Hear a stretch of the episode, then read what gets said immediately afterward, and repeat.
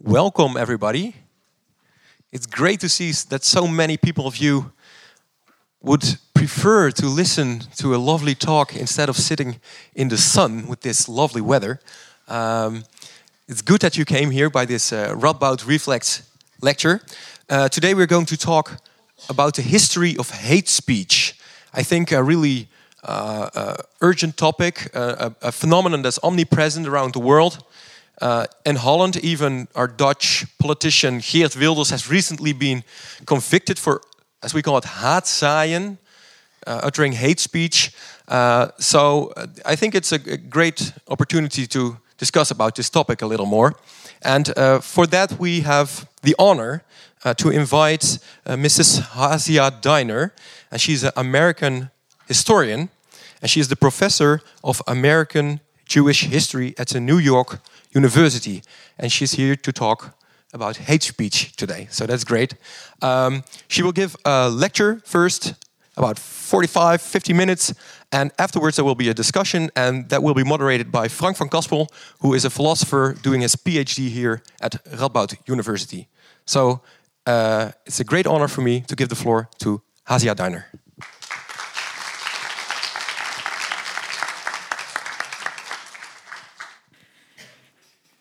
Okay, thank you very much for being here. Um, it's kind of light; it's a little bit uh, overwhelming, but uh, I'll I'll cope with that. So uh, it's really been an it is an honor to have been invited uh, to give this talk and to give a talk on an issue of uh, such uh, tremendous significance. Um, the topic, as listed in um, the flyer, and as was um, somehow we worked out, uh, the history of hate speech is certainly an extremely important one, and it's a very uh, lofty one, and it's way beyond what one could accomplish in 50 minutes.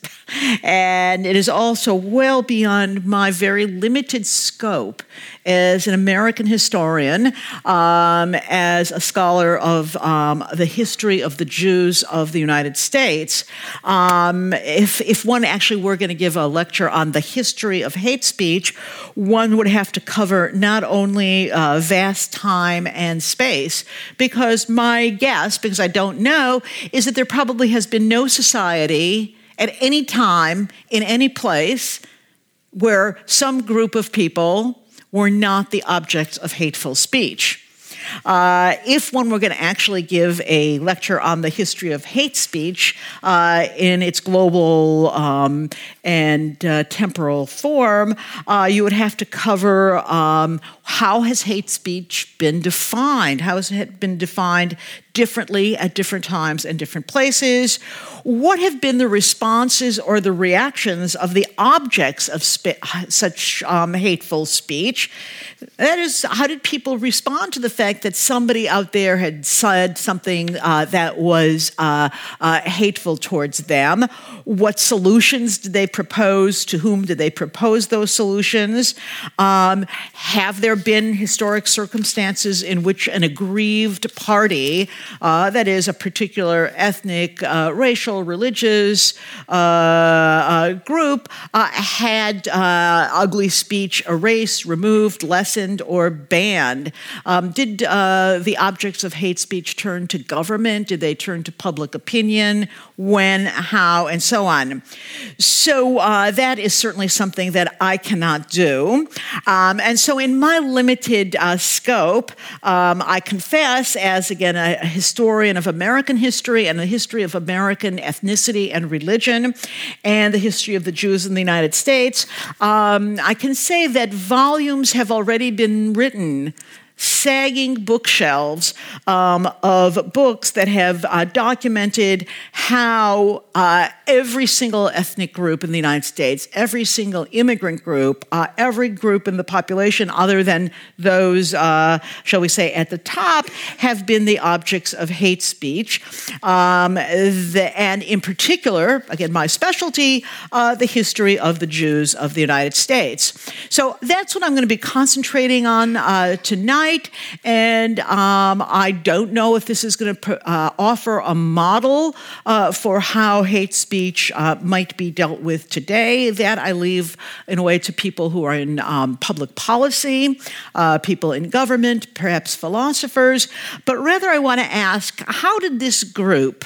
Okay, very small part of the American population, never more than 4% of all Americans, uh, a group that had experienced hate speech uh, since, uh, uh one might say, the beginning of the Common Era, if not before.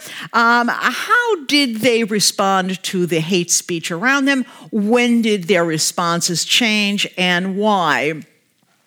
So I'm going to begin actually with a Dutch story because here I am in um, the Netherlands, and um, I might give the same uh, opening if I were giving this talk in Norway or Sweden or uh, uh, Germany, but I am in uh, the Netherlands, so why not begin with a Dutch story? So, uh, the first group of Jews who came to America uh, came in 1654. Uh, they came from the Dutch colony of Recife in Brazil, and they made their way to the colony of New Amsterdam, okay, which is now called New York. And um, they arrived in 1654, and they were met unhappily by the governor general of the colony, a man by the name of Peter Stuyvesant. I'm sure that's not how it's pronounced in Dutch, but that's how we pronounce it in New York. Uh, we have Stuyvesant Place, Stuyvesant School, Stuyvesant uh, Street, so to us, he's Peter Stuyvesant. And Stuyvesant did not want the Jews to this, it was a group of 23 men and women, and he did not want them to stay in New Amsterdam because he said they were an accursed race. They were deceitful by nature, they were blasphemers, okay, they were thieves, okay, and they should not be allowed to stay. Okay, so I think that falls into the category of hate speech.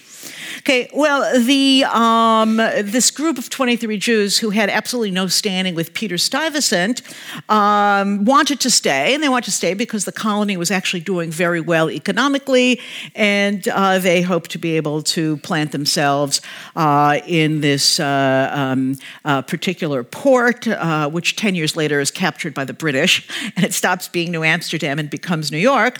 Um, but uh, what could they do? Because they had no voice, they didn't have any standing standing with uh, uh, Stuyvesant. So uh, the group of 23 Jews who showed up who had come to the colony, and Stuyvesant actually put them in jail, um, wrote to the Jewish community in Amsterdam, to the leaders, and asked the leaders to plead for them not to have Stuyvesant change his language not to ask Stuyvesant to say nice words about them, but to uh, allow them uh, to remain in the colony. So, um, in their pleading, they were not concerned about hate speech, but rather they were concerned about policy. Can we stay? Can we trade? Can we build a community?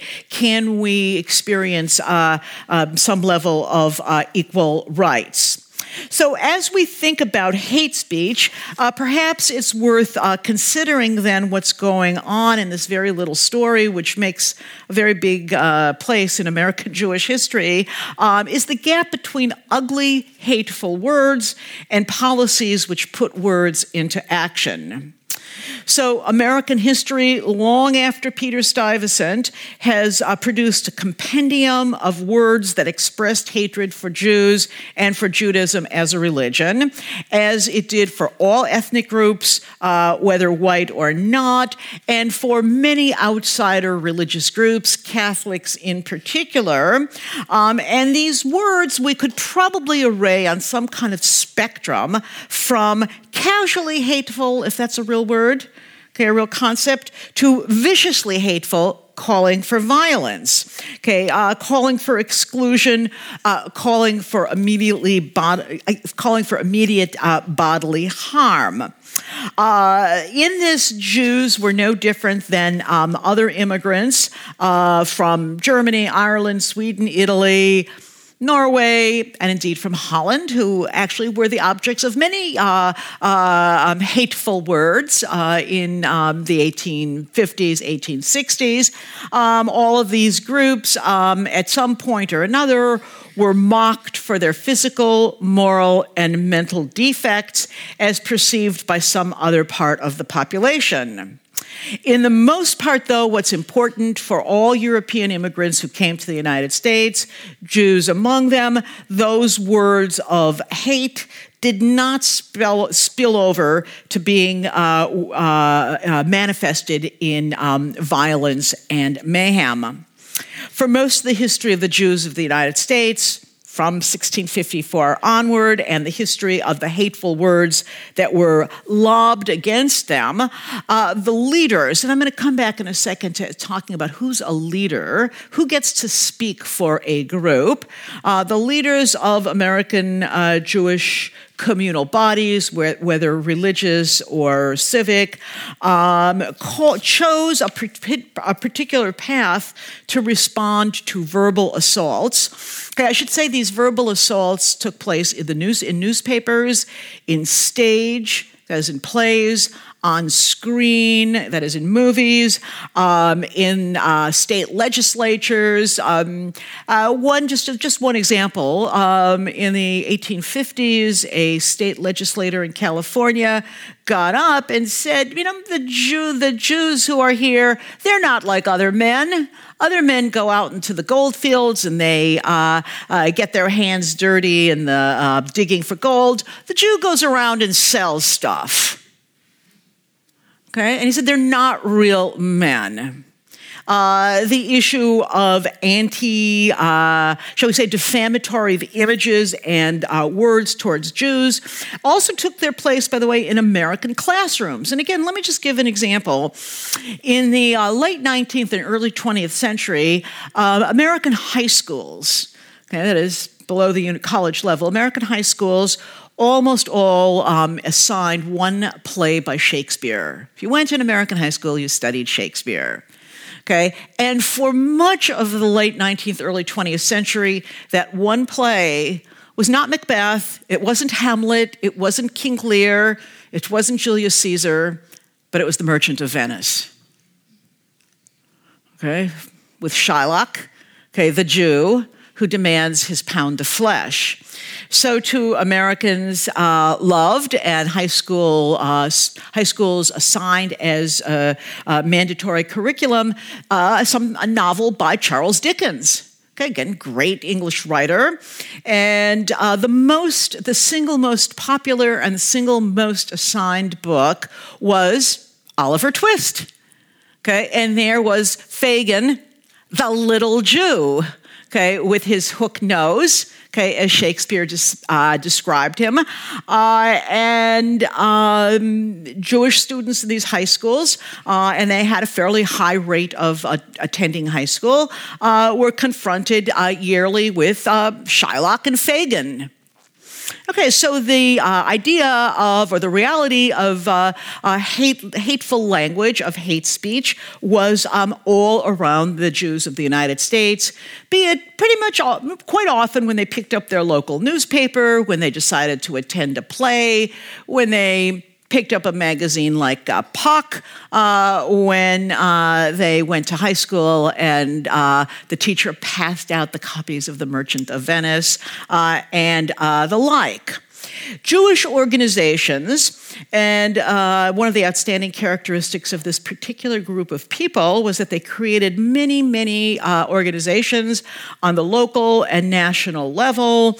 Uh, they didn't particularly have a single body which spoke for them, but all of these organizations, to some degree or another, took up the issue of hate speech and that it's as the uh, B'nai B'rith, the American Jewish Congress, the American Jewish Committee, the National Council of Jewish Women, uh, and on and on and on, on a national level as well as in every community, pondered what do we do about these ugly images that are in our community newspapers that our kids are being asked to read when they go to high school. And there's uh, Fagin, uh, with always had a slightly kind of uh, image of a pedophile because Fagin had all these little boys who he was uh, working with, and Dickens kind of slightly sexualizes this relationship. Um, what are we going to do about this? Um, the various groups, and I just rattled off uh, quite a few names names, and the one that I probably that was most important historically was an organization founded in 1913 called the Anti-Defamation League. That's his whole purpose was to fight the defamation of the Jews in the public sector. Um, all of these groups uh, not only worried about what to do about hate speech, but they competed with each other as to who is going to be more effective in fighting it and who would uh, be able to most effectively blunt uh, the effects of uh, hate speech. Nearly all of these organizations were funded uh, in part with hate speech as the focus of uh, their work. Now, their strategies, and that's, I think, what I, that, that their strategies, which will be the uh, core of what I'm going to be speaking about, um, were based on two realities. Okay, and uh, first is that they were a really small group. Okay, they were tiny. They were a tiny drop in the ocean of the American population, and um, they um, knew that it was going to be very difficult to combat hate speech. Uh, even though, by the way, that's a very contemporary word. They would have never used that. They generally use the word defamatory language, um, that um, uh, they were going to have a very hard time fighting it. And um, they had to come up with a, a set of strategies that could blunt its pain. Now, they also had to deal with the recognition of the tremendous power of the First Amendment to the United States Constitution, uh, adopted in 1790, uh, which protects not people but protects and doesn't and doesn't protect groups or doesn't even recognize groups except for Native Americans and uh, slaves. Uh, but otherwise, uh, it doesn't recognize groups of people but it protects speech. It's the First Amendment to the Constitution, and in one phrase, it uh, protected religion from government interference, it protected speech, it protected the press, it protected uh, the uh, protest, it protected uh, the right of uh, people to assemble. Courts, the, the, the, the, courts of the United States at the lower level and at the Supreme Court level have, for the entirety of American history, well into the contemporary period, been very li- reluctant to ever limit speech. Okay, they, the court has never wanted to chip away at the constitutional principle. Um, while um, the framers of the Constitution did contemplate some potential limits on speech, um, the court has uh, always backed off from ever condoning any limit on what people could say. In uh, 1942, uh, Justice Frank Murphy summarized uh, the law this way There are certain well defined and limited classes of speech the prevention and punishment of which have never been thought to raise a constitutional problem. In other words, sometimes you can limit speech. He says, and these include the lewd and the obscene. America's always had very tough anti pornography laws, okay? The profane, which is kind of funny, okay? Um, the libelous. Okay, there's you know I you know libel you, you that I can you know be uh, uh, you can bring action against me, and he and his final words are very important. He said, "What was not protected were quote fighting words." Okay, that is those which by their very utterance inflict uh, injury or tend to incite an immediate breach of the of the peace. So if I stand up and I say, "Let's every one of us here pick up our guns and go shoot so and so," Those are fighting words. That's not protected.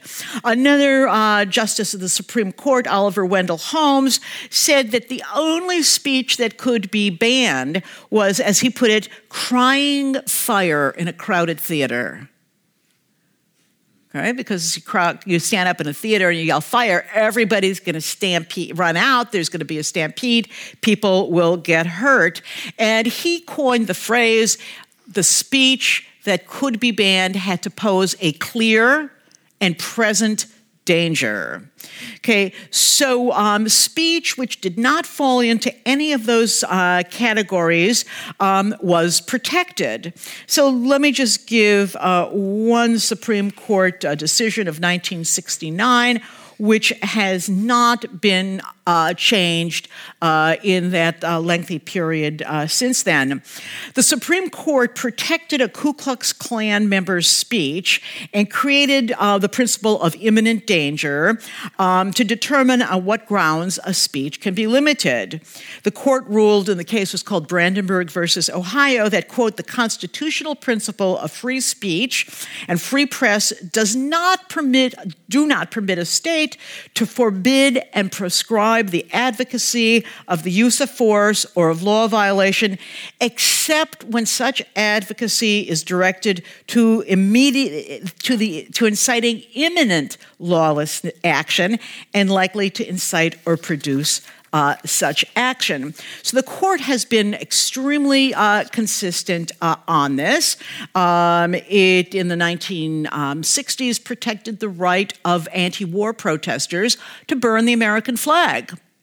Okay? Even though nobody liked it, or I shouldn't say nobody liked it, but the people on the court didn't like it, they said it's their right, it's a form of speech, and it must be protected however we offensive we find it. So, American Jews throughout this long history um, trying to figure out how to deal with uh, Merchant of Venice or uh, uh, um, uh, Oliver Twist or the scurrilous words which appeared in uh, newspapers, magazines, movies, plays, and so on, uh, I had to contend with the fact that the government never came down on the side of protecting speech.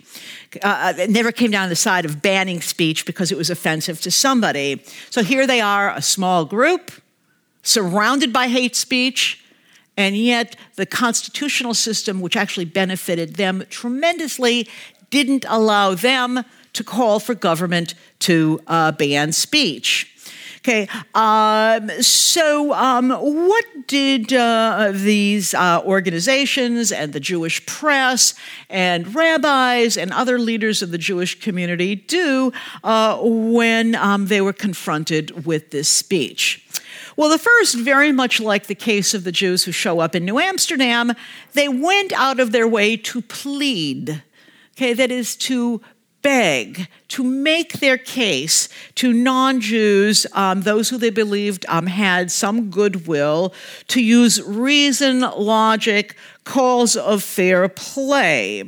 So, as an example, it was very common into the early 20th century that newspapers would publish uh, um, a little uh, um, item saying, uh, Jew robs bank. All right, now, needless to say, they also said Negro robs bank. Okay, uh, that was actually lasted much longer. But uh, representatives of the National Council of Jewish Women uh, in many cities um, organized uh, small delegations to meet with the newspaper editors and say, you know what, would you publish an article that says Presbyterian robs bank? Lutheran robs bank? Okay, then why would you print Jew robs bank? Okay, or in another case in the 1950s, there was a uh, uh, Catholic priest by the name of Father Feeney who uh, every day at the lunch hour uh, would go into the Boston Common uh, and stand up on a table and start ranting against the Jews. The Jews did this, the Jews did that, the Jews control the bank, the Jews control the world, the Jews have an international conspiracy, um, the Jews, the Jews, the Jews. And indeed, he was Father Feeney, and he usually referred to the Jews by a derogatory term of Sheeny. So everybody in Boston called him Sheeny Feeney. Uh, and so one uh, uh, individual, a man by the name of Samuel Pearlstein, who used to like to take his lunch in the Boston Common during uh, good weather, which in Boston is not very often, uh, but uh, Sam Pearlstein happened to have a personal connection to the Archbishop of Boston, Cardinal Cushing. And so Pearlstein went to Cardinal Cushing and pleaded with him to demand that Father Feeney stop his Sheeny uh, bashing uh, in the Boston Common. Uh, since Cushing and Pearlstein had a very close relationship, um, uh, Pearl uh, Cushing, now he has the power of the Catholic Church behind him, tells Feeney to stop. Feeney wouldn't. He defies. He, he defied his cardinal. So uh, Cushing had him uh, shipped off to another parish. So this is one strategy, which is pleading with people in positions of authority who uh, could use the, could be in a way fronts for uh, the uh, Jews uh, to uh, fight defamation because they understood that if they called for an ending of defamatory language in their own name, it would do no good. Another strategy, a second strategy, which became quite common and in fact was sort of the uh, communal norm, um, is what we might call backdoor, a backroom, closed door politics. That is, uh, when there was some uh, notorious or vocal uh, uh, anti Semitic uh, speaker, orator, radio uh, broadcaster, television personality, other people in other positions of power or positions of public exposure, when they were carrying on about the Jews, the Jews, the Jews, um, small groups of well placed Jewish communal leaders would meet behind closed doors with the offender and um, first say, you know, it'd be really nice if you stopped. Okay, uh, and uh, usually were rebuffed. And then they would threaten, often economic action. Okay, so for example, and again, probably the most notorious is in the 1920s, Henry Ford and you probably all know Henry Ford because I'm sure you know the Ford automobile, probably one of the um, most important industrialists in American history. Ford um, started in the 1920s to publish the Protocols of the Elders of Zion, okay, a notorious forgery which uh, claimed that again, the Jews. Uh, and anytime somebody says the Jews, they mean it's, it's, it's already defamatory because there is no such the. Um, but uh, Ford's um, publication of the Protocols of uh, the Elders of Zion uh, claimed that the Jews had a small uh, uh, cabal of elders who met. Um, somehow he figured out, they, they figured, they decided it was in Zurich, Switzerland. Uh, and uh, there they plotted uh, the economic fortunes of the world. They uh, engineered World War One. They had engineered the Boer War, and uh, that was the document came out of Russia. It was pu- published originally in the 1890s. It was a notorious uh, forgery, but Ford thought, "Oh, this makes a lot of sense," and he not only printed it in a newspaper he edit, he owned called the Dearborn Independent, but in the 1920s, if you went into a Ford showroom to buy a Ford automobile, there'd be a stack of these uh, Dearborn Independents in the showroom, and indeed every uh, uh, car that went off, uh, yeah, you bought your car, you drove it off the lot, there was a copy of the, the um, Protocols of the Elders of Zion on, this, on the passenger seat. Okay, so now we don't know what people did with it. They could have thrown it in the garbage. They could have used it to wrap uh, uh, their uh, debris. We don't know.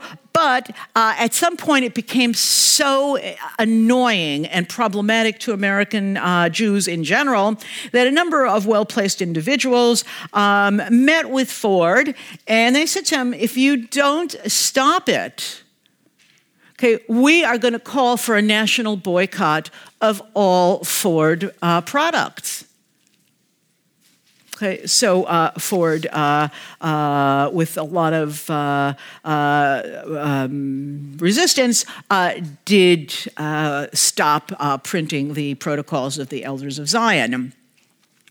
Another strategy that they engaged in was uh, writing uh, letters to the editor, uh, particularly uh, of newspapers that had and magazines that had that had uh, published uh, defamatory articles or defamatory cartoons. And the cartoons, by the way, were ubiquitous of the Jew with the hook nose, sunken chest, dark curly hair, uh, usually very kind of grasping uh, hands. And so they published letters to the editor showing the illogic not just of anti Jewish prejudice, but of prejudice in general. So, again, rather than attack hate speech just in their own name, rather than saying we are hurt by this cartoon that appeared in your paper, or we are hurt by this uh, uh, article which appeared in your uh, magazine. Rather, all forms of prejudice are wrong. And so, what they do, uh, what they did, and this is a very much of a 20th century phenomenon, is they conflated anti Jewish hate speech with all forms of hate speech.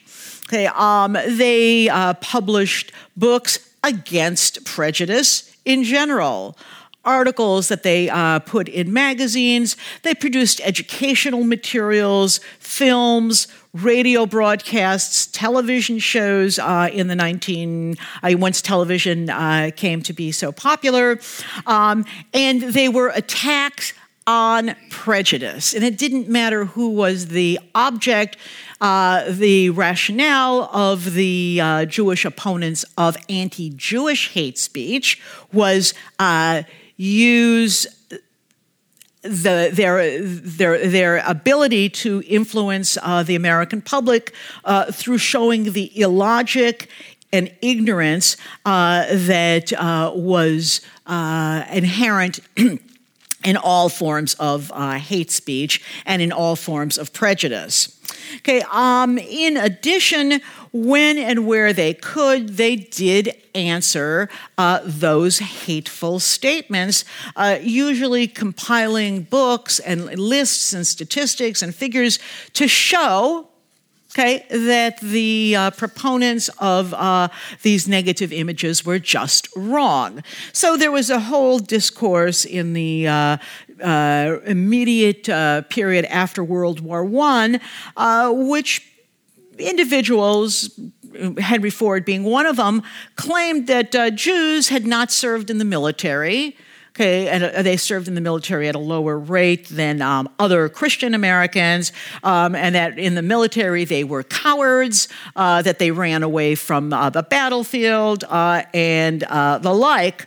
So um, the American uh, Jewish Committee compiled a book of um, thousands of pages. How somebody carried it to the library is, uh, uh, I don't know. And it was called The Jew as Patriot and Soldier. And it listed the name of every Jew who had fought in the American Revolution, the Civil War, both sides. Uh, the, uh, say the Mexican War, the Civil War, uh, the War of 1898, uh, World War I. It lists all the medal winners. It has tributes to the Jewish soldier uh, by General Pershing and other military notables.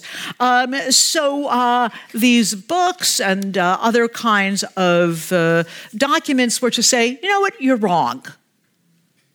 You're wrong. And uh, with the hope that over time the accretion of evidence uh, would uh, quiet uh, the uh, perpetrators of the hate speech. Now, the final strategy that I want to offer, because it's going to be the one that will come to be most controversial in the period after the Holocaust, was a policy that we might, um, for lack of any better phrase, call quarantine. Okay, that is uh, uh, the uh, the advocates, people who actually didn't like it, who thought it was kind of cowardly and uh, uh, didn't accomplish anything, used a, um, a Yiddish phrase which was "sha sha," which means quiet. Shasha, be still. So, quarantine, which basically was uh, a view that anti Semitic speakers, perpetrators of uh, hateful speech, purveyors of uh, uh, those who were having rallies and parades against the Jews in some way or another, particularly in the 1930s and 1940s, um, and it continues after World War II, um, that uh, these people, and I'm going to give one very specific example uh, very shortly, that uh, those people, they often call them demagogues, these purveyors of of, uh, uh, of hate speech um, wanted one thing uh, they wanted publicity. They wanted their pictures in the newspapers. They wanted articles. They wanted radio and TV coverage of their rallies. They wanted to be important. And so um, the, the, ad, the Jewish advocates of a quarantine policy said the smartest thing we could do is Shah Shah, we could be quiet, okay? Um, we're not going to have a counter demonstration.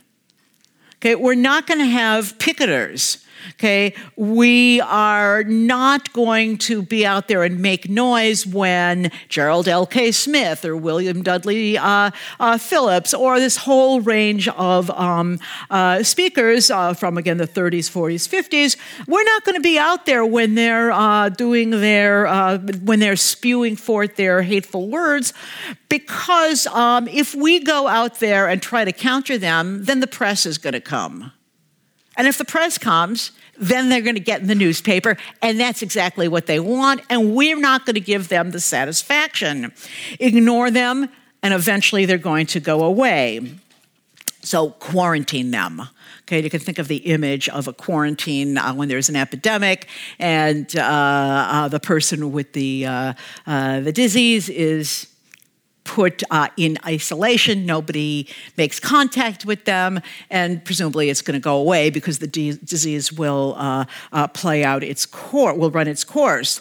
Now, um, the um, Shasha politics of uh, the quarantine, which was the community norm. Okay, throughout the um, particularly the decades before and right after World War II, um, that was uh, the community norm. But after the Holocaust, and uh, this uh, begins to crack, and so it begins to crack uh, at a number of moments in the 1950s. But it's particularly notable in 1959 when a man by the name of George Lincoln Rockwell created the American Nazi Party. Uh, Rockwell uh, wore a stormtrooper uniform. He had uh, the stormtrooper insignia on his um, uh, armband, as did his followers, who he called the stormtroopers. Uh, when they walked in the street, even if they were going to buy a cup of coffee, they did the goose step and uh, walked like real Nazis. Uh, and um, they uh, were um, there on the American scene. Their talk, needless to say, was ugly. Okay, um, Hitler was right, he said. Okay, Hitler did the right thing. It's too bad he didn't kill more than six million.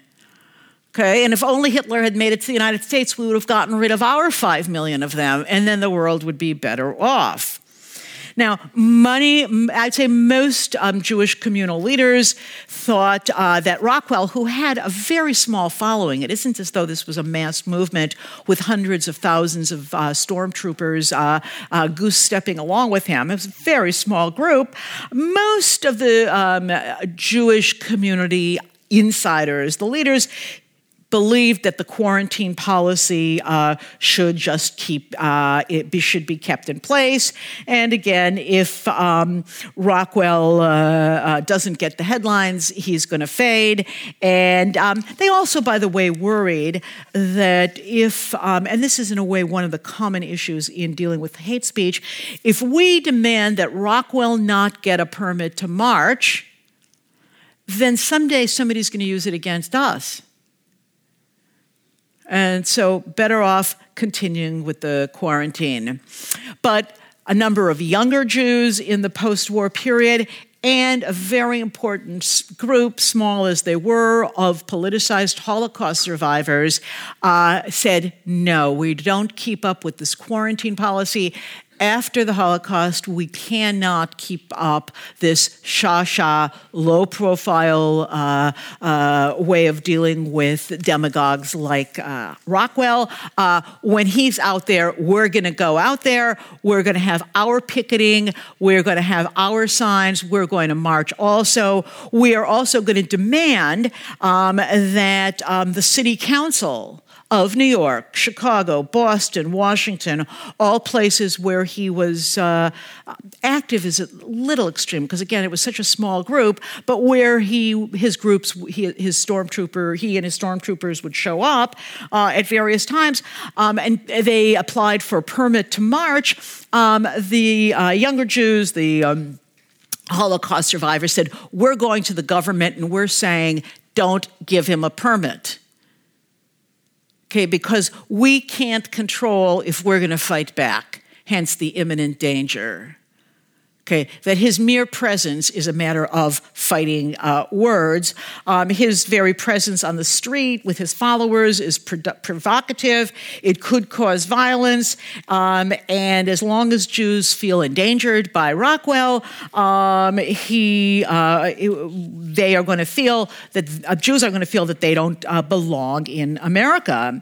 Now, uh, Rockwell, the problem was ultimately solved because Rockwell was um, assassinated uh, by one of his own followers. So the problem went away. Uh, but uh, in a number of cities, um, the uh, again these dissident groups within the Jewish community did approach city uh, leaders, you know, the mayors, the city council members. Um, they did try to get the permits uh, revoked or to get uh, the city to not give Rockwell his permit, and they always lost.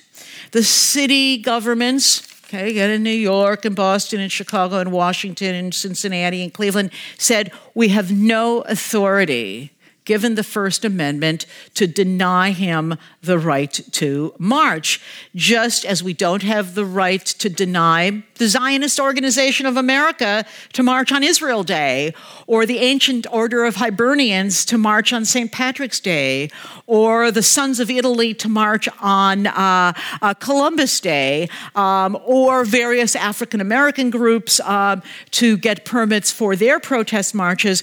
We can't uh, deny him, just like we cannot uh, deny uh, others.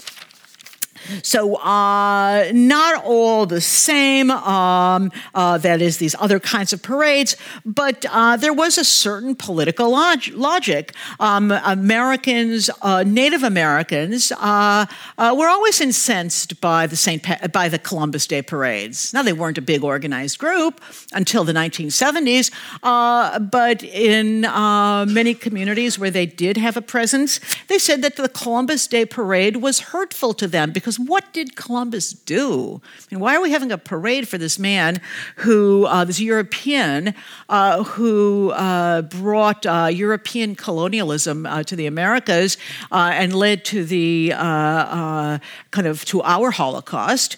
Um, many Americans of British background thought that the St. Patrick's Day parades were offensive to them as defenders of the the British Empire.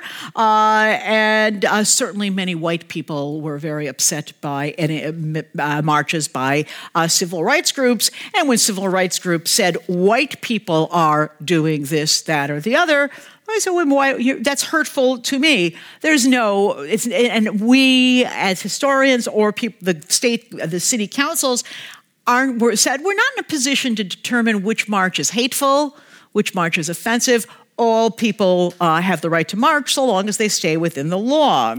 The state, they said, should not be in the position of deciding whose speech uh, might make someone, some segment of the population feel uncomfortable. Some leaders, uh, uh um, some actually Jewish leaders, were actually thought it was very important to have Rockwell march because they said it would teach the public what Nazism was. And many Americans who didn't know very much about the Holocaust and didn't know much about uh, Hitler or the Nazis uh, would have, uh, we might say, a learning uh, moment. Uh, the Rockwell incident, and I know in some of you who are in Professor Topolsky's class have talked about Skokie and uh, the effort of the Nazis to march in Skokie, um, and so many other events um, in the uh, post uh, war period and into indeed uh, even the contemporary time. Um, for example, in the 1990s, giant rallies by uh, Reverend Louis Farrakhan of the Nation of Islam, where he called Jews bloodsuckers. Okay, and uh, that uh, every Jew was out to exploit uh, black people. Um, okay, uh, on every one of those, uh, the state has always said hateful speech cannot be uh, banned, and let them march and let um, groups like American Jews and others try to use other kinds of means than banning speech. So, um, drawing this to a close, um, the issue of hate speech has been one, although uh, they didn't necessarily use that label, uh, but let's call it hateful speech, has been a challenge for American Jews uh, since uh, they, before they were American Jews, but when they were just that group of 23 uh, um, uh, women and men from Recife who meet, met Peter Stuyvesant on the docks of New Amsterdam, eager to be comfortable, eager to uh, uh, uh, be part of a uh, American society. Um, these were people who knew that words could hurt. Okay, uh, that words are complicated, uh, but that not necessarily in the days of Peter Stuyvesant, but certainly after the drafting of the U.S. Constitution, in America, words are protected. So long as words don't become action, they are only words, and it becomes part of the burden carried by anyone who feels offended to come up with strategies. Okay, I'm, this is not my position, this was their position, and that can be part of our conversation. Their strategy was to say, so long as words don't become action, they are only words, and it behooves a group who feel offended to find ways to blunt their sting, to push them to the side. None of those strategies are foolproof, none are perfect, but since we can't enlist the state in banning speech, that's all we have. Thank you.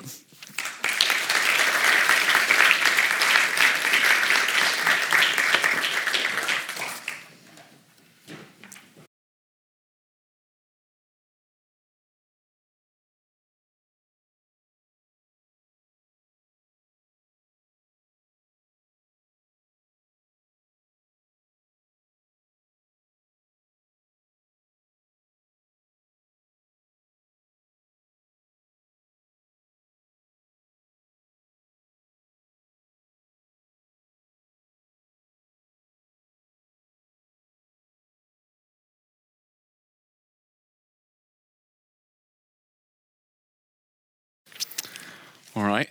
Am I? Yes, I am. Okay. Thank you very much for this gripping and animated tale. Um, it's been a while since I was a student, but if you were my professor, I think I would have no problems staying okay. awake during your lectures. Okay, good. Very good. Very good. Um, I want to try and build on what you said about strategies to deal with hate speech uh, in maybe more modern times, okay. maybe involving other peoples than the Jewish people. Mm-hmm. So let's see how far we get. But first, I think I have kind of like a systemic question as like a mm-hmm. as an analytical philosopher. I'm one of uh, I want to get my words straight, so to say. Okay. So at the very beginning of your lecture, you talked about um, hate speech, and you said that basically any group has have, has had to deal with hate speech, uh, except maybe you said the, the dominant group. So mm-hmm.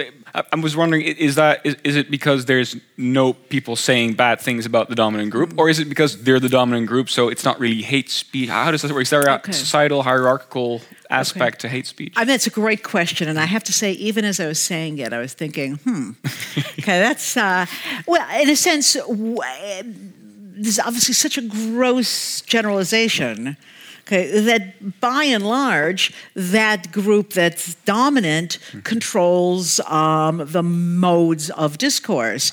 It decides which Shakespeare book gets assigned. Okay, it was, you know, white, pretty much only Protestant uh, board of education in such and such town saying we should have Shakespeare and let's make it the Merchant of Venice. Okay, so uh, while there's no doubt, in fact, I can say for sure, there was hateful speech among, let's say, Irish immigrants against uh, Boston Yankees, their employers, mm-hmm. okay, uh, or Italian immigrants against the Irish. Mm-hmm. Um, the those words tended to stay within the boundaries of their own communities. Okay, so it's certainly the case that hate speech is not just about what is said, but uh, the reach it has. It only becomes hate speech when it has a certain effect, when it offends people, or when it gets heard yeah, by so, people who are offended. Yeah, so I, I, am a little intimidated by talking to an analytic philosopher. So uh, I'll stop after this. Yeah, okay. Um, it seems to me that uh, the uh, uh history of, know, can we say human civilization, has been people breaking in, having their particular group, their affinity group. Mm-hmm. And it could even be on gender, men, women. And certainly when the women are sitting around and talking, they may have some really bad things to say about the man in, their, in their own group. But it, since they have no power, uh, uh, it um, is effectively not hate speech. Right. Okay. Yeah. All right. Good point. Uh, I think I'm pretty clear on, on hate speech and what it is. Um, I want to continue towards the to the strategies that you talked about, mm-hmm. and I, I, really liked the strategies, except well, except maybe the quarantine part. Uh, but so what I liked about the first two strategies that you discussed, mm-hmm. uh, if I may say, if I may say, they, they look like lobbying in, in a non-pejorative sense. Mm-hmm. Like, well, so they lobby and they try. They say, well, this is the state of the country. We can't really protest it via legislation because we have the mm-hmm. First Amendment in America. Uh, so we try to change the other's perspective. Mm-hmm. I think that was beautiful. I think so. So here's, here's my, my question: Do you think those strategies would be better employed nowadays than what we do in the Netherlands, where we have legislation against hate speech. So then, when someone is hateful, what happens is people go to the police, and then everybody's at revolt, and then they point towards legislation. And it, it's not; it's, it's about feeling hurt instead of about trying to convert the other. Right. So I'm right. I'm I'm generally loath to say what's better or worse because mm. I, I, have the all the limitations of being a historian, um, but I'm also an American, mm. and um, uh, as you know, in, in a way, historically, America has had a weak state. In other words, that government has had a relatively little to do with people's lives, mm-hmm. Okay, uh, for better or for worse. And so it's perhaps not surprising that the framers have the First Amendment. Government, Congress cannot do anything to uh, limit your speech or limit mm-hmm. your this or limit your that. Right. That's kind of the American way. Um, if I mean I'm not what that knowledgeable about what happens, I did read a little um, on the internet about uh, d- the uh, situation in the Netherlands about hate speech, and it seems to me, as an utter outsider with minimal knowledge about your the situation here, that by making it government policy, it exacerbates the animosity of those who are engaging in hate speech. And it makes them then not only, it doesn't make them less hateful towards whoever is the object, but then it begins to see the government as the uh, agent of whatever the whoever the sort of despised group is. And uh, i think it has a tendency to unravel the social fabric. Mm-hmm. i agree. So I'll tell you a little bit about what happened. I think okay. there's one incident in the Netherlands recently that comes to mind when we talk about hate speech. I think we all know the, the chant that goes with it, right? It goes. Ah. I, I, tried, but it, so, so it, this is what happened. I'll, I'll translate to English. Um, so there was an election rally for one of the Dutch politicians, and he asked his crowd um, a question that comes down to: Do you want more or less Moroccans in the country? Mm. And then the crowd chants, "Less, less, less." Minder, minder. It's it's comical, basically. Well, it, it's not. It's, it's, terrible, but it's it's just saying it. It's so so so stupid. But then and then the important point is the reaction of the politician is then we'll get to work on that. Right? So uh -huh. he, he, says, yeah, well, let's let's do it. Let's make sure that there's less Moroccans in the country. So of course, this many people went to the police. Said, this guy is, uh, you know, it's, it's, hate speech, whatever. Uh, and he was found guilty. I looked it up of insulting a group also of inciting discrimination, but he was not found guilty of inciting hatred. So it was not hate speech, uh, according to the judge. Uh, and there was also no punishment given, even though he was found guilty of those other, other two things. Uh, and the judge did say, though, because I found him guilty of uh, inciting uh, discrimination against a group, uh, that for politicians too, he said freedom of speech is limited. So this is something that an American judge would probably never say. Never. No. And I, I looked up. So why is freedom of speech limited? And it's because of something that you undoubtedly know about, but I didn't. So maybe for the audience, uh, there's an international convention on the elimination of all forms of racial discrimination. Uh-huh. Uh, and the Netherlands signed up for that, the United States as well. Mm-hmm. And it requires nations to outlaw hate speech. Um, in the Netherlands, it is a criminal offense. In the United States, it's not because there are certain reservations that United uh-huh. States uh, mm-hmm. negotiated for in that convention. And they say they do not accept any obligation under the convention to restrict the extensive protection of individual freedom of speech, etc. First mm-hmm. Amendment. So there's a big difference there. Yeah. So what's really interesting in that story is the use of the word discrimination. So theory, you know, discrimination is illegal in the United States. And so if I have a business and I'm going to hire somebody and I say I don't hire Moroccans, mm. or somebody can uh, prove that every Moroccan applicant has been rejected, then I'm guilty of behavior. Ah, okay. The discrimination is uh, manifested in action. I, you know, can say I don't like Moroccans, but I cannot Okay, um, if I'm renting an apartment, if I own a hotel and a Moroccan family, you know, wants to take a room, if I'm an admissions officer to a university and I see an applicant, that's discrimination. It's not speech. So if our politician went to United States or was it an American politician and he said something like this, it would only be uh, a, a crime if he incited, if he actually if he cried fire in a, in a, in a crowded theater and actually made it so that people started discriminating? Well, it would be not, more. That's yeah. probably way too, uh, in a sense, indirect. It would be a crime if he said, "Now let's go to that Moroccan neighborhood and show uh those guys." How much we don't want them, and then my has to be very concrete. Has so to, to be say, very yeah. concrete, but you know he could say, "Look, no more Moroccans." I mean, I feel terrible even saying that. Uh, uh, um, but uh, if he, let's say he loses the election and he opens a factory making uh, glasses, uh, and he will not hire Moroccans, even though they're Moroccan employ, you know, applicants who are perfectly competent. That's discrimination. Right.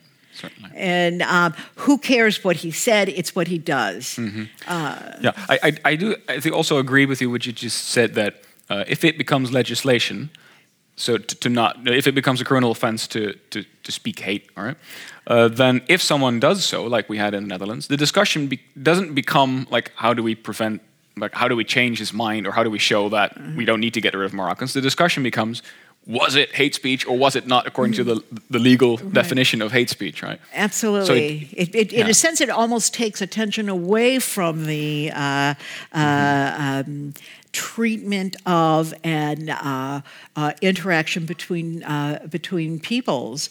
Um, and once the government says, "No, we're coming in as the agents of." Um, uh, these hate speech laws, then um, it is view- the government is viewed by or will be viewed by the um, the anti-Moroccans as their enemy.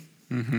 Certainly, yeah. You're siding with the Moroccans against us, the real Dutch. You're telling me what I can't say. Well, yeah. I'm going to say it even more. And I right. think it phrased um, the sort of social compact, um, mm-hmm. which, in a way, um, and I, I, we talked it, you know, earlier. My views about the current American government. So I'm not, um, but uh, in a way, that society holds together when uh, people in who share, who live under the roof of a government consider that it's there to protect them and that right. they're uh, uh, shareholders in it. Right. But once they say, well, it doesn't speak for me, they only care about the Moroccans. Right. Then I think there's a recipe for disunity and um, social discord, which is usually not good. So maybe we could venture into uh, some speculation about what would be better. Maybe it would be better if a government offered or facilitated ways for groups to speak up and present their point of view instead of protecting them with legislation. right? Yeah, I mean, so that uh, the government has many uh, power t- tools at its command. Again, I feel terrible speaking about what the Dutch should do because. Um, I'm not here. But, you know, government um, creates curricula for schools. That's a very powerful tool uh, in bringing uh, people together who might otherwise have no common experience. Um, government certainly can ban discrimination. Um, government has, uh, I know there is no, um, uh, um, uh, there is a military, and there, the military is a place where men or women, men and women from very different backgrounds, presumably come and have to live together in barracks and have to uh, we even have gays in the military. yeah, and you have to interact with each other. And the government can use that as a tool for uh, um, very uh, both subtle and not so subtle experiments in um, integration. Um, you know, all sorts of uh, uh, services and programs that governments have uh, can be directed without saying that's what they're doing mm-hmm. um, to bringing people together who would otherwise merely say, well, they're just. Sure they're just the Moroccans, or they're just mm. those, um, I don't know what the equivalent of redneck which we would call in the United States sort of. Uh, does any, what, do we have rednecks? How do we call them? Shawnees? I, I, don't know. Okay, right. so, so uh, right. and um, you know, there's some really interesting stories, you know, that historians or material that um, historians have come up with um, during uh, World War II, um, when there's the largest mobilization of men in, in American history, and while the uh, African Americans were segregated okay. Um, in World War II, um, units would have, you know, I, somebody who's Chinese, somebody who's Irish, somebody who's Italian, Jewish, somebody from some, you know, the mountains of West Virginia. And um, they didn't have any choice mm-hmm. but to kind of get along. And there's, in fact, a whole genre of movies that were made by, with government sponsorship by Hollywood called the Foxhole Buddy movie. and so it was about, you know, five men, uh-huh. you know, the battle of such and such, and they're all there and they're all, you know, sharing a cigarette. And again, one's Chinese, one's Jewish, one's Italian. And the idea is in the foxhole, mm-hmm. you're defending your country. There are no differences. And so, I mean, that's again a, an agency of a, a, way in which the government had power through these propaganda films and through the reality of military life. So, so would you say in general that government influence in America has been to the positive in terms of I think I, you catch me at a bad moment in time, but uh, I was going to go to the current. Yeah, yeah, exactly. But right. I would say in the la- in, in, the period since World War II, the American government has actually played a very powerful role mm-hmm. in um, lessening the kinds of hatreds. Now, it doesn't mean that they went away, and the question of race in America is constantly problematic mm-hmm. and. Um, uh, I, I, certainly have no solution. Um, but I think the uh, a, the states, both the local, you know, on the state level as well as the federal government, have worked very hard to find some way to to to talk about a common culture. And there has not been a lot of speech converted into policy because that's what the early Jews in mm-hmm. America were worried about. As long as it's it's all talk, that's fine. Once it becomes policy, when that, that's a bigger issue, what? and maybe right now we're seeing the, the, the bad thing where it does become policy with the the Muslim ban, so yeah. to say. Like so, I mean, I uh, have some kind of premonition that we are at the beginning of a very different era in American history. Mm-hmm. And um, I mean, I think there's a, a really powerful comparison between the uh, uh, attitudes of many white Christian Americans towards Muslims and the uh, attitudes, behaviors of um, white Protestant Americans towards Catholic immigrants in the mid 19th century. Mm-hmm. I mean, they burnt down Catholic churches. Priests and nuns were beaten up on the street. Um, America's most successful third party was called the Know Nothings, and it was an anti Catholic party. Really? and the Irish the rhetoric was the Irish, as Catholics, were slavish followers of the Pope. They had no belief in democracy, individualism, or personal liberty. Um, they were ignorant, and besides the fact they were ignorant and um, uh, drunkards. And um, the government never did anything to help the Irish, but over time, with numbers and with, um, in a sense, social mobility uh, and exposure, most of those prejudices kind of became silly and uh, marginalized. And yet the rhetoric used against Muslims is exactly the same. Mm-hmm. They represent a foreign power. Okay, they mm-hmm. they don't believe in democracy. Different they don't God. believe in personal freedom. Mm-hmm. Yeah, I mean, they're you know obviously the you know the Irish Catholics were viewed as uh, the agents of Satan because uh, this is a Protestant uh, population, and mm-hmm. um, and yet it worked itself out contingent on change, you know, circumstances. But, but to have the government put in this Muslim ban mm. is provocative. And um, rather than, um, well, for one thing, I don't even think there's a problem. But but rather than solving a problem, uh, if there was one, it just makes it worse. Certainly, yeah. Would you say it's fair to call Trump a demagogue? I would call Trump, Trump a demagogue. Okay, right. um, I think that um, his goal in any given tweet or any given speech is to rile people up against someone else. Mm-hmm. Certainly to deflect. Yeah, and uh, um, that. Um, he has uh, um, big enemies out there, and they are out. Bad to, hombres. Yeah, bad hombres, and um, uh, you know, that's in a sense the stock and trade of the demagogue. The demagogue, you know. So for Henry Ford, it was you know the international Jewish yeah. conspiracy, right. and um, you know there were all sorts of social problems in America. That was not it. Right. Just as Muslims are not a problem in America, you know, the problem is deindustrialization. It's uh, the environment, and so. But you know, the the demagogue uh, finds a way to scapegoat and to constantly rile people up against someone else it's hard to imagine what their motivations could be for that, right? Do, do they have something to gain or? Oh, I have right. no idea. I mean, I have to say, I'm totally baffled by my fellow citizens. I mean, I don't understand. Oh, right. Yeah, it. you mean the ones that you oh. don't talk to? Yeah, I mean, I, I, I never talk to them, but right. you know, um, right. uh, I don't understand it because uh-huh. what I see, and this is in a way beyond our issue of hate speech. Um, is that many Americans who voted for Trump and who are still sort of rallying behind him are working against their own interests. Most definitely. I mean, these are people right. without health care. These are people with poor jobs, with no mobility. Right.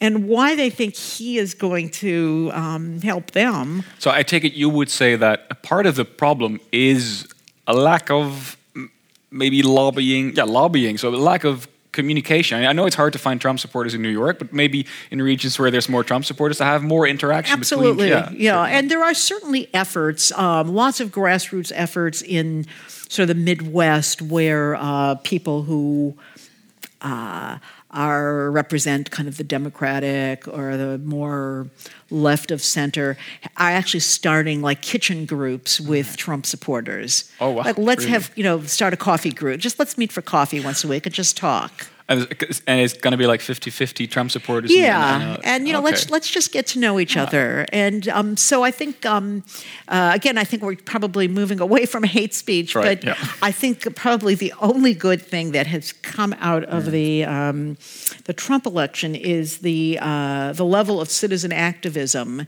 and uh, people um, uh, um, getting out there and doing something um, uh, on whatever issue matters to to them and saying, you know, we're not sitting back and letting this happen. Standing side by side in like a, a protest foxhole. Yeah, yeah, right. yeah, okay. absolutely. And so, for example, when the Muslim ban was uh, announced, hmm. um, hundreds of thousands of people almost spontaneously flocked to the airports uh, right. and um, mm-hmm. lawyers set up offices at you know in coffee shops to help anybody who was getting hassled. Mm-hmm. and people were standing at the airport with signs saying we welcome uh, immigrants. Mm-hmm. we welcome refugees. Everybody is welcome here. And um, and that hasn't come to an end. I, mean, I think it's it's it's it's it's it's taking it's going in all sorts of directions but um, it's probably brought out the best in Americans. Very good. I, I hope it continues And uh, maybe I want to open up the floor. Actually, I do want to open up the floor to questions from the audience. Uh, we're going to start at the front here, the gentleman with glasses, and then the next question is the gentleman right behind him.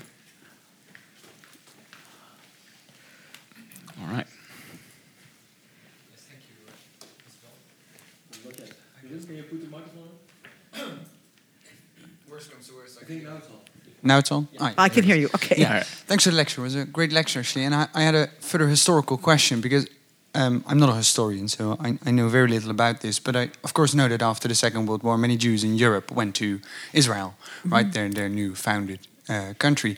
Um, and I wondered to what extent has that been a coping mechanism, so to speak, um, for the American Jews? Were there a lot of American Jews who thought rather than um, quarantining, let's quarantine. -huh ourselves, so to speak. Let's just move away. Um, you know, make our own treehouse? Okay, I mean, I think it's a great question, and it is in some ways very revealing of the degree to which that population has really become so thoroughly American because they haven't done so. And other than very small numbers, um, the um, again the people I talked about and um, uh, did not feel they had to leave the United States, but rather their um, strategy was how do we transform America. Okay, how do we make America a place that's comfortable for us? recognizing that for it to be comfortable for us means it has to be comfortable for everybody. And I think a much more profound part of that was, in fact, the um, Jewish involvement in the civil rights movement for African American rights. And um, it, there was a certain degree to which it was very calculating. It was, you know, a society that just doesn't recognize difference or group in the law is going to be good for us, and let's make America good for everybody. Mm-hmm. Uh, second question is right behind you. Maybe if you, if you still have the mic, you can just. Uh, oh, you don't. Okay. okay. Hello. Yeah. Um, yeah. My question is: you, you talked about uh, several strategies that were successfully uh, deployed, um, mm. and I wondered I think through its history, the the Jewish population in the America uh, and in the US was relatively well situated. So I wonder whether other groups, mm. whether you think different groups or other groups could have successfully uh, used the same strategies, or whether you think it was also it played a major role that that maybe the Jewish community had the the power to to do this lobbying, for instance, or Okay, so that's that, that's a great question. Also, so for them, they weren't always successful. Okay, I mean they often failed, and uh, uh, they, you know, uh, success is uh, very difficult uh, uh, to, to to measure. But surely other groups did it also. The Irish were extremely active in, um, you know, when there would be plays with um, what was called the stage Irishman, and this was a character very common in American plays where there's the Irish guy with a bottle in his hand and a stick in the other hand, and he was always beating his wife and staggering around the stage. And Irish um, um, uh, theater goers would buy up the tickets, and then they'd start booing and throwing stuff at the um, uh, at, at, the uh, actors on the stage. And then the theatrical managers would say, "Well, we can't keep." Uh, um, booking these uh, uh, plays because we get such you know bad uh, kind of reaction. Um, so um, there, you know, in a sense, we're, we're now that was a strategy Jews were never going to do. Okay, they were never going to be unrespectable in public okay, because for what for a variety of reasons. So they weren't necessarily so well situated. And you know, in the 19th century, they're an immigrant they're an immigrant population, and um, many of them are poor. Many of them are industrial workers, really until the 1940s. Um, and there were a few individuals who were well placed, um, who had both uh, uh, political um, visibility and, and, good contacts. Um, and there's certainly tension between the better placed and the less well placed in terms of how to deal with this. Um, but um, there's no immigrant group that didn't, an ethnic group that didn't find, look for some way. Again, let me just give you one one example. So um, the first really important American movie was a movie that came out in 1915 called The Birth of a Nation, and it it's still considered one of the greatest movies ever made in America, and it's about the Ku Klux Klan. And um, it's a movie that has, you know, the black men are all rapists, and they're uh, sitting in. Um, uh, sitting in state, state, legislature without shoes, eating chicken and watermelon. They're gross. That's racist. And um, it was just really hideous.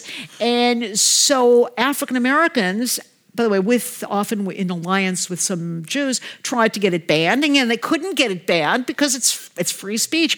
And so um, a number of um, black community leaders decided to try to make their own movie. Anyway, it sort of didn't work. It was a kind of failure. It was supposed to be called The Birth of a Race, and it was to be the, the life story of Booker T. Washington, who was great African American educator. Um, but um, they've, you know, found constant ways to point out hate speech and to find out. And now, again, they were more or less, sometimes successful, sometimes uh, not. They used many of these same strategies.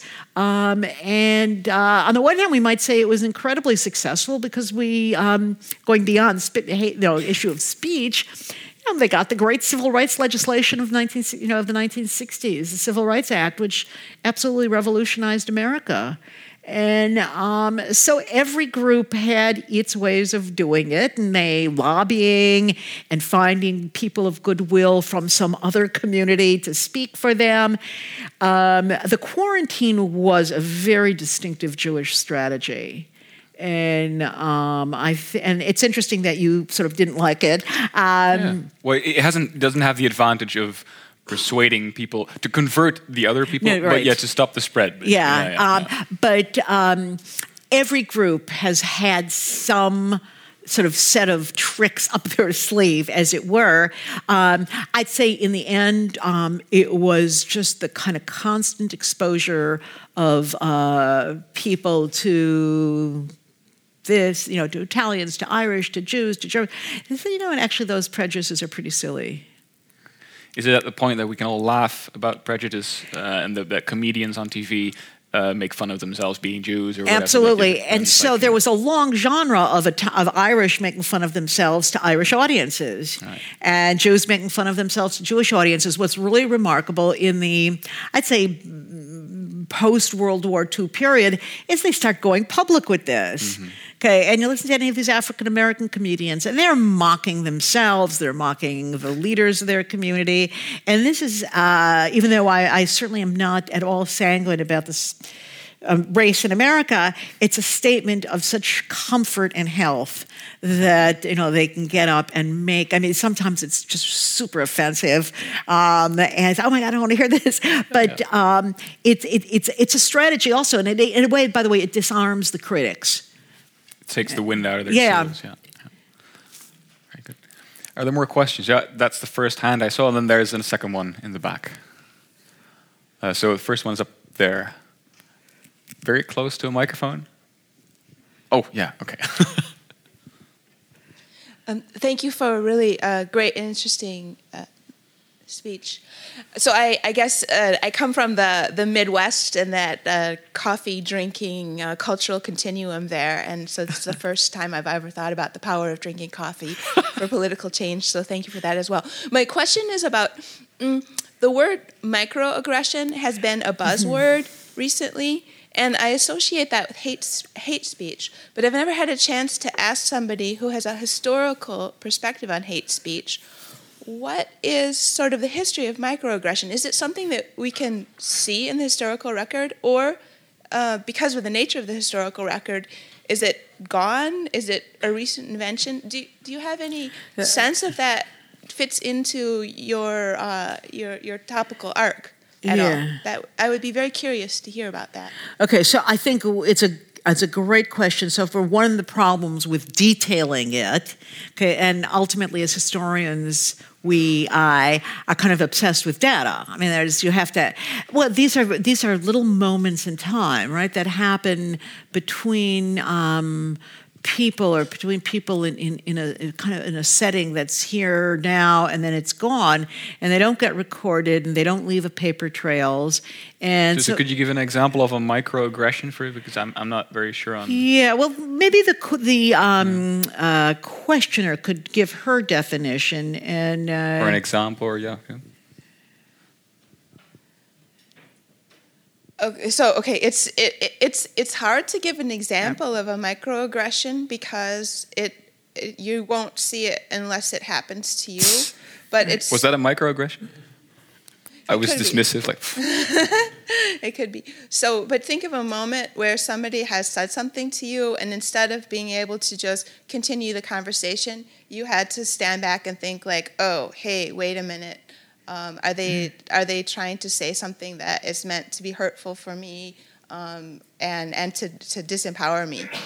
Right. It, do you agree with that definition?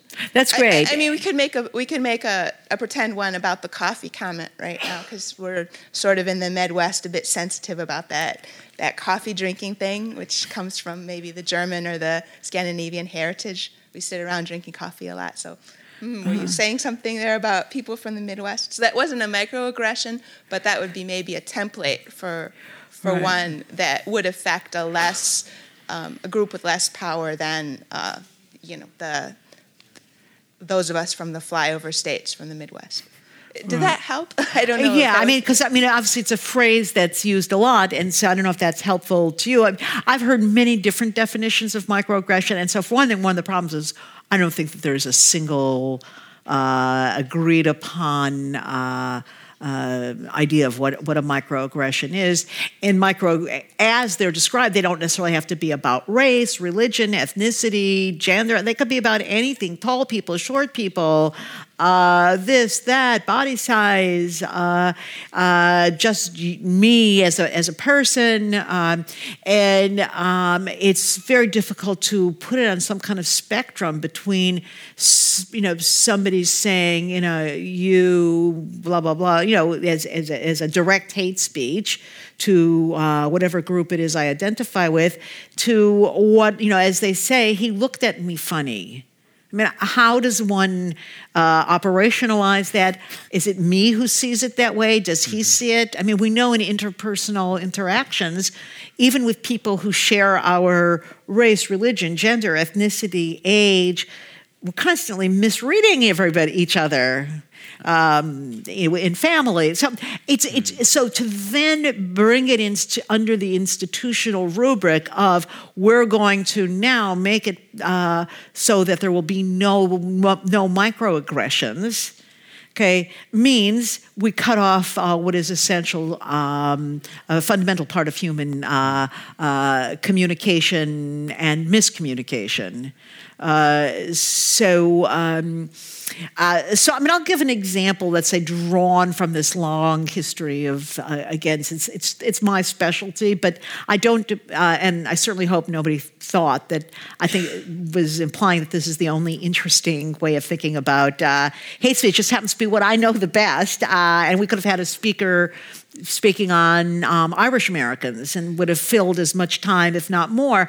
Um, but there are stories that come out of the 19 teens, 20s, actually, and beyond, where um, young um, so Jewish students at um, American colleges are invited to dinner at the home of a professor. Okay, good student, professor wants to get to know them and the professor puts in front of the, the servant, uh, you know, the, whoever served them, puts something in front of them that they can't eat because of uh, Jewish dietary restriction. Now, is that a microaggression on the part of the server that he didn't know that this young man cannot eat blah, blah, whatever, pork, shellfish? Um, or is it just ignorance? Um, and uh, uh, how does the how did the uh, person going through this? How did the um, student who wants to curry favor with the professor, who admires the professor for his or her intellect, who would like to be a, teaching assistant to that professor, what do you do? Do you, you know do you say, okay, I'm going to eat it just so I don't attract attention? Do I say to the professor, you know, I can't eat that? Okay, which then opens a whole. Okay, so is that a microaggression on the part of the professor? Okay, um, or is it ignorance? Um, and I, I, certainly don't have an answer, but these people coming from different backgrounds with different experiences are going to step on each other's toes because they have experiences that they don't necessarily know the other person doesn't have or restrictions. So, like you said, this is just basic human friction in basic yeah. human interaction. So maybe yeah. we're drifting away from hate speech, like yeah. you said. I'm going to divert to the next question, which was in the back there, and then I see another one over there. So I think that's about the only two questions we have time for. So this one and then the next one over there. Here comes. No, there we go. It's it's it's it's working now. Okay, it's working. Um, so from your talk, I've been getting the idea that like in all times, hate speech has been present. So I'm asking myself, what is the function of it? Since it's always present, like there has mm. to be mm. something about it that it doesn't like die out, so to say. Okay. So again, I think it's a terrific question, and in um, the period after the Holocaust. Um, and this was actually another strategy I could have, well, in a way, I sort of talked about it. Um, uh, the American Jewish Committee hired many social psychologists to study that question why prejudice? Probably the most famous is Gordon Allport's The Nature of Prejudice. But they, um, you know, they want to know how could this have happened? What is there in human nature? Was it either something fundamental to, was it something just about the Germans? Was it just contingent on the circumstances of German history in the 1930s that made this happen? Um, or is there something in human nature and as you can imagine, they don't have an answer. Um, but there's been a tremendous investment in trying to figure that out. Why can't, uh, you know, the kind of liberal paradigm is why can't we all get along with each other? You're you, I'm me. You have your differences. I have, you know, you have what you like. I have what I. Why can't we just get along? Well, I don't know that I certainly can't answer that, but I just say that a lot of um, research, psychology, sociology, uh, uh, much of the field of anthropology was designed to um, try to deal with that. Um, and I don't know. Is it is it fundamentally human nature? I don't. I don't know. Uh, I wish I did. Thank you very much. The final question in the back there. Good. Yes. All right. Uh, hello, you hear me? Yes. Yes. Good. Uh, my question is uh, how do you uh, recognize uh, when something is just offensive and something is uh, hate speech? What is like the gap when you can say, okay, this, what you're saying can lead to violence? For me, maybe it is a little bit hard to to not to think about certain discourses to be eventually building up into something that uh, becomes hateful and uh, like uh, an alibi for aggression, let's say. So, yeah, how do you differentiate those kind of things? All right. Do you want to try answering that? Well, I would say um, we've talked about distinction where if you immediately and concretely, or so to say, incite violence, uh, or incite uh, bodily harm, then you say this is hate speech now, I mean, from a legislative perspective. But then if you don't do that and you just say, well, let's try and get Moroccans out of the country in general, uh, then, well, maybe we could say, well, then you tell these people, uh, got to be careful though, buddy, because what you're saying could lead to hate speech. It's certainly not uh, kosher here to, to, mm-hmm. to use a. Is that right? Yeah. So, um, sorry. microaggression. yeah, yeah. microaggression. sorry. So that's actually a word that's used in, in Dutch conversation. Uh huh. Interesting. Um, but um, yeah, so I, I think what came out of this, and um, for me, would be a useful way to distinguish the two is to say, does this lead to to danger of bodily harm like within right right now. But oh. don't you think that being constantly saying that same things it can be hate speech even if it does not happens right now, but within time. Inflammatory speech, uh, maybe insulting speech, or maybe uh, yeah, uh, um, inciting discrimination. Certainly. Yeah, I, I, I don't think it's good. Uh, It's certainly harmful. Right. So I think that's sort of the point. No, but I mean, I, again, I'm not defending any position or another, but uh, the logic against hate speech laws is that uh, people are going to say what they're going to say. Uh, you can't know, you know, that, you know, it might be that they'll say it for a while and then they'll never say it again. And uh, maybe they're just getting it off their chest. As, I don't know if that's an expression in English. Yeah, And um, but if they say, "Let's go and beat them up," okay, there's an imminent danger uh, of uh, of bodily harm, um, and so there's no guide. There's no way to know, and therefore it makes legislation very difficult because legislation, the state loses, I'd say, almost a certain dignity by trying to legislate things it can't legislate. Okay, and um, uh, it becomes a, a sort of circular uh, um, kind of uh, problem that keeps biting its own tail. Very difficult. Um, this is certainly a topic that requires much more discussion that we've had right now. Fortunately, though, there is the opportunity for that because if you'll go to the Cultuurcafé, uh, which is located inside this building, uh, there's plenty of opportunity to continue the discussion. So please, once we're done, go to the Cultuurcafé instead of lingering here because I think the room is needed for cleaning up. Uh, there's a second very important point that I uh, want to share with you. So please keep an eye on the website of Radboud Reflects for more of these interesting talks. And finally, and most importantly, of course, I'd like a very warm applause and Thank you. Uh, thank you for Professor Diner. Thank, Thank you very you. much. Right. Thank you very much for coming.